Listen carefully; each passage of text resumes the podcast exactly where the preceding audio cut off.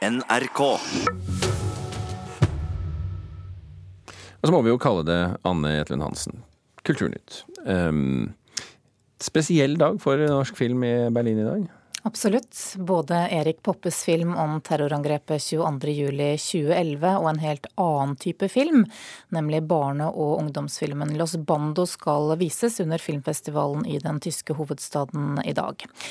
Los Bando ble feiret allerede i går, med bl.a. kulturministeren til stede. I forrige uke etterlyste Lillehammer-selskapet Filmbind, som står bak filmen, bedre statlige støtteordninger for utvikling av nettopp barne- og ungdomsfilm. Og Trine Skei Grande lover nå mer fokus på eh, denne type film. Jeg gleder meg veldig. Kulturminister Trine Skei Grande møtte de unge skuespillerne fra filmen 'Los Bando' i Berlin i går ettermiddag. Jeg skal ha dommen klar på Tinder. Altså. Anledninga var at Oppland fylkeskommune og Lillehammer kommune, med ordfører Espen Granberg Johnsen i spissen, inviterte til fest for å feire suksess for egen filmsatsing. Det å få fram gode historier, enten det er på filmlerretet eller ellers, for barn og ungdom, er i seg sjøl viktig. Og at du da har et miljø på Lillehammer som satser særlig på det, det er jeg umåtelig stolt av. Og Derfor er det om å gjøre å være med og vise det fram og heie på deg. Holder du fast? For filmen 'Los Bando' er et resultat av medviten regional satsing på barne- og ungdomsfilm over mange år. Og den andre filmen fra regissør Christian Lo i Lillehammer-selskapet Filmbind, som blir plukka ut til det prestisjefylte ungdomsprogrammet under Berlinalen. Jeg vil gjerne dedikere denne låta til nabobygdas flotteste dame. Vi er skikkelig stolte til at film blir skapt i Oppland, og at den holder så høyt nivå som at den markerer seg her internasjonalt i Berlin. I går var det taler og bobler i glasset. Men Los Bando ble i sin tid ikke vurdert som interessant nok til å få produksjonsstøtte fra Norsk Filminstitutt. Dette sa produsent Trine Årdal Lo til NRK da filmen hadde førpremiere på Lillehammer sist helg. Nei, eh, For oss så var det jo et faktum at vi søkte tre ganger og fikk eh, tre ganger nei. Og Det som var frustrerende, var at vi fikk begrunnelsen at det fantes andre prosjekter med høyere kunstneriske ambisjoner. Og det tenker jeg at det vil det alltid være når man setter film for barn og unge og voksenfilm opp mot hverandre. Ja, det er ikke, heldigvis ikke kulturministre som bestemmer hva som er kunstnerisk bra nok og ikke. Og Jeg skal ikke eh, gå inn på de vurderingene heller. Men eh, jeg syns jo det er bra at vi har ulike former for finansiering. Den er jo awesome! Los Bando er finansiert av regionale filmfond og med utenlandske penger. Hvor er vanen min? Filmbind etterlyser nå en egen barne- og ungdomsfilmkonsulent hos Norsk Filminstitutt for å få en nasjonal satsing på film for denne målgruppa. Kulturminister Skei Grande er ikke overbevist. Nei, jeg tror jo det er viktig å ha mer penger til gode filmer, og ikke nødvendigvis en byråkrat til. Ta et bilde her også. Det kulturministeren likevel kan love, rett nok med kraftige forbehold, er vilje til videre satsing på barne- og ungdomsfilm.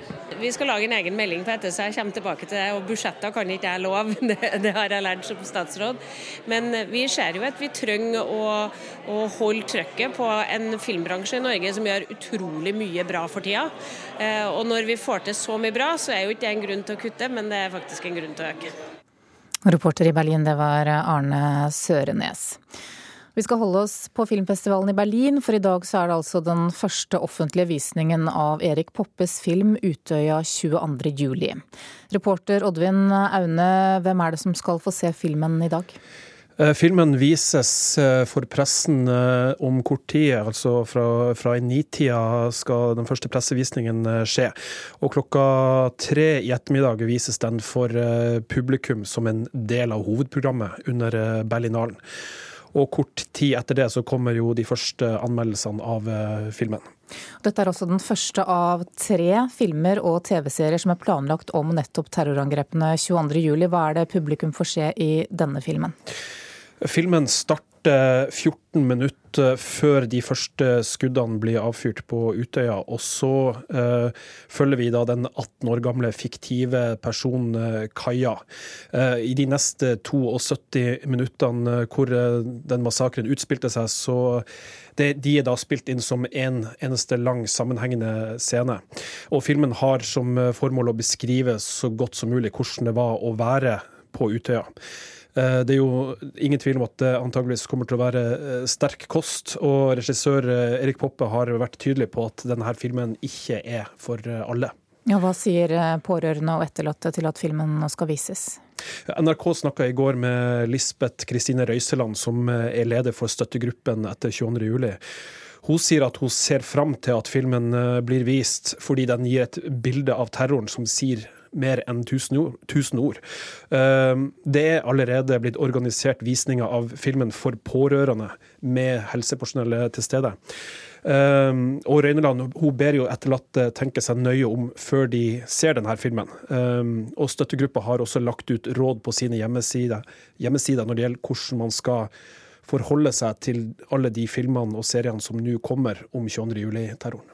Takk skal du ha, reporter Oddvin Aune. Og anmeldelse av denne filmen kan du lese på nrk.no i ettermiddag ca. klokka 15.30. Den blir også sendt her på NRK P2 og i Alltid nyheter i ettermiddag. Så kan vi ta med det at eh, filmen har premiere på norske kinoer 9. mars.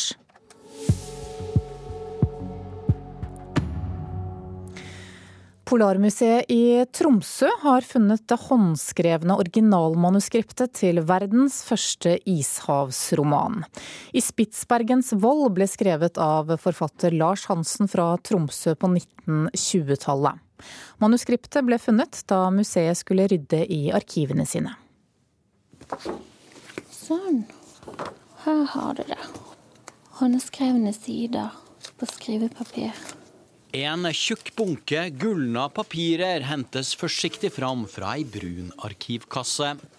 De håndskrevne sidene er originalmanuskriptet til verdens første ishavsroman.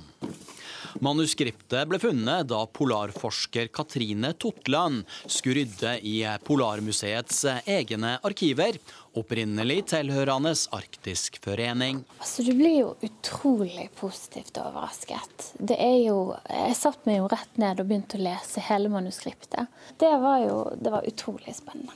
Ja, det er morsomt å bla opp på en hvilken som helst side her, og så leser jeg her da Johan Troms, Berner Jørgensen og Carl Christiansen hadde taget siste farvel med sin døde kamerat.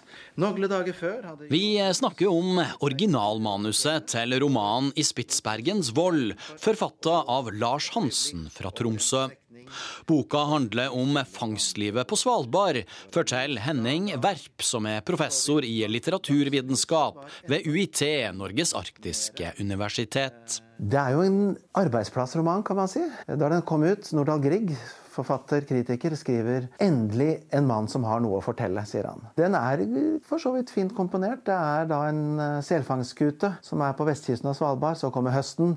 En liten fangstbåt drar inn i en av fjordene, og så kommer isen inn. og de kommer ikke ut igjen. Så får vi da disse fire mennene som må overvintre ufrivillig. Selfangstbåten. Vi får eh, høre om deres kamp for å finne disse kameratene, men de må vende hjem til Tromsø. Lars Hansen begynte som ishavsreder på begynnelsen av 1900-tallet.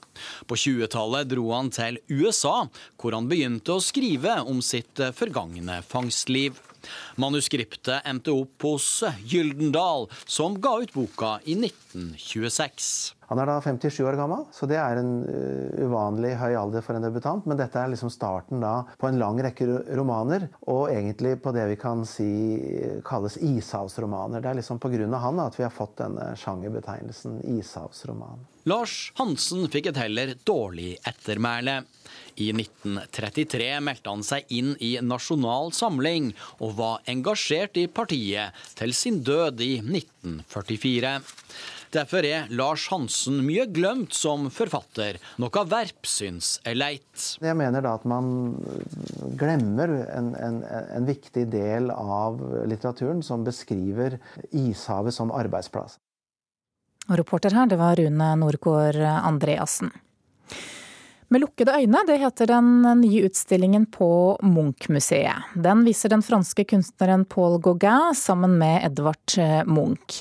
Og det å se er vel en nokså viktig forutsetning for den som skal male. Mona Palle Bjerke, kunstkritiker her i NRK, hvorfor har de gitt utstillingen denne tittelen? Her vil de nok peke på et fellesskap mellom Munch og Gauguin, som går på dette med at de ikke ville skildre den ytre virkelighet, men eh, en indre virkelighet. Og Gauguin han skal jo ha sagt at han lukket øynene når han skulle male, og for å fremkalle indre bilder eh, som utgangspunkt for maleriene. Og Munch har jo dette kjente sitatet 'Jeg maler ikke det jeg ser, men det jeg så'.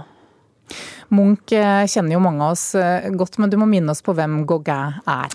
Gauguin er en ruvende skikkelse i kunsthistorien. Han er, grupperes jo gjerne sammen med Munch som en uh, farsskikkelse for ekspresjonismen, og også en døråpner for uh, modernismen. Uh, selv så beskrives han gjerne som en syntetist, eller en, altså en, en symbolist, da, som henter inn den, følelser og også symboler i maleriene. Han er kjent for fargesterke malerier med kraftige konturer, litt sånn tegnede konturer, og gjerne med motiv motiver fra stillehavsområdet, gjerne Tahiti. Men også den franske landsbygda var han opptatt særlig av Bretagne. Og i utstillingen så ser vi bl.a. i Volpini-suiten, som er en grafisk serie trykket på skinnende gult papir, eh, da for kvinner i lek og arbeid i Bretagne. Hvor, ja, hvordan er utstillingen lagt opp? Utstillingen er lagt opp slik at de har fokusert på grafikk eh, primært. Eh, og det er ganske spennende, fordi begge disse jo da, var jo da skikkelser som eksperimenterte innenfor de grafiske teknikker, og så revitaliserte eh, tresnittet som et et, medium som hadde gått litt av moten da de begynte å arbeide. Eh, det er en annen slags tematisk grep her, og det er kvinneskikkelser. Altså kvinnen går jo igjen både hos Munch og hos eh, Gauguin, og de fremstiller da kvinner både som glimt fra hverdagsliv, men også som eh, symboler. Men noe jeg undret meg litt over i hvordan utstillingen er lagt opp, det er at de har på en måte gruppert kunstnerne litt hver for seg. Selvfølgelig i samme rom og på tilstøtende vegger, men det er liksom en liten gruppe Munch, og så er det en liten gruppe Gauguin.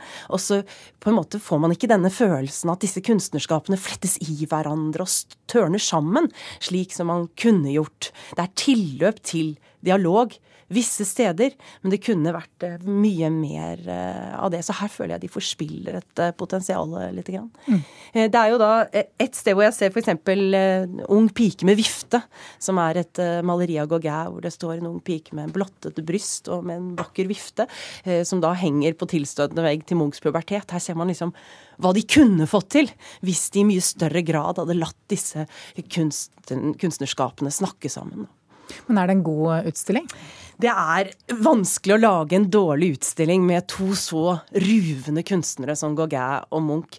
Men jeg må nok si at eh, Og bare det selvfølgelig å se Gauguins grafikk, som mye av hans sjeldne grafikk, er i seg selv helt fantastisk.